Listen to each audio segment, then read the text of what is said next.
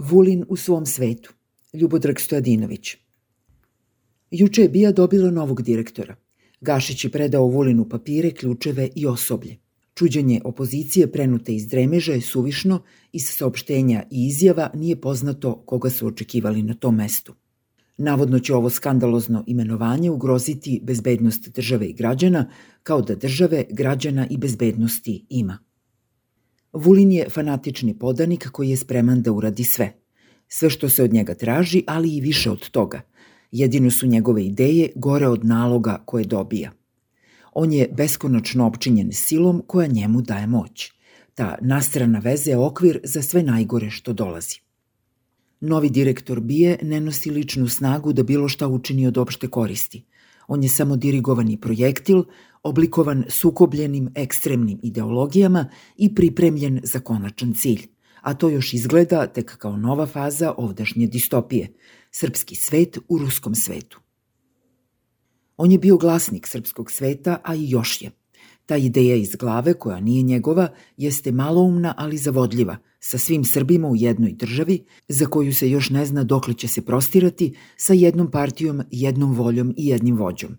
Zna se i njegovo ime – U svojoj biografiji Vulin ima mnogo tamnih fleka. Sve one su mu pomogle da bude na važnim mestima i odatle dobacuje komšijama preko plota, pretnje, kletve i uvrede.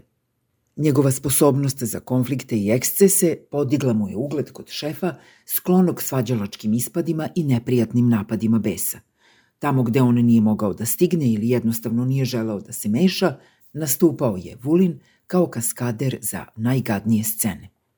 Kao i šefa, Vulina je stalno držao neotklonjiv strah od protesta i to one vrste koji bi mogli da obore sve što su zajedno razarali.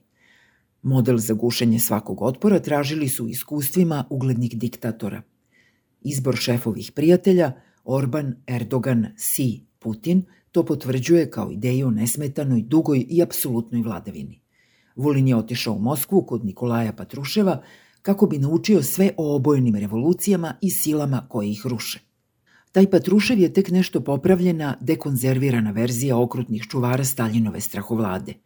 On je naučio u Vulina da su obojene revolucije akumulirana pobuna protivnika države i vladara, neprijatelja sa strane, uz sasluženje izdajnika, plaćenika, opozicije, nezavisnih medija i opasnih novinara, ljudi sklonih da slobodno misle i govore. Učio ga je kako se one, revolucije, eliminišu. U odlučnoj fazi sa osjećanja za pobunjenike nema. Iz Moskve se Vulin vratio sa inoviranim fanatizmom, spreman da zajedno sa klikom bilo koju ideju o rušenju vlasti smatra napadom na Srbiju. Takvu odlučnost je kod sebe video kao rodoljublje bez premca, ali osjećao se dužnim da Patruševu vrati uslugu. Neki ruski opozicionare koji su došli u Beograd jer su ga smatrali oazom kakve takve slobode, Prisluškivao je kao kriminalce i to predao svom mentoru prema svedočenju ruskog opozicionara Vladimira Karamurze.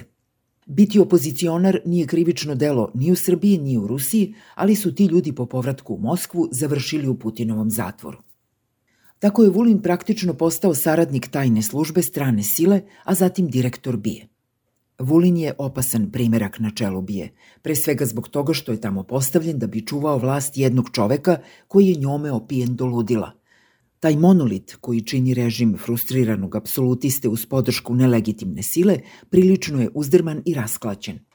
Uz nepodnošljive pritiske sa strane, ovde preti opšte siromaštvo i socijalni kolaps, energetska kriza, izolacija i nedostatak ogromne količine para za servisiranje vlasti – Kasa je prazna, izvori zajmova postaju nepoverljivi.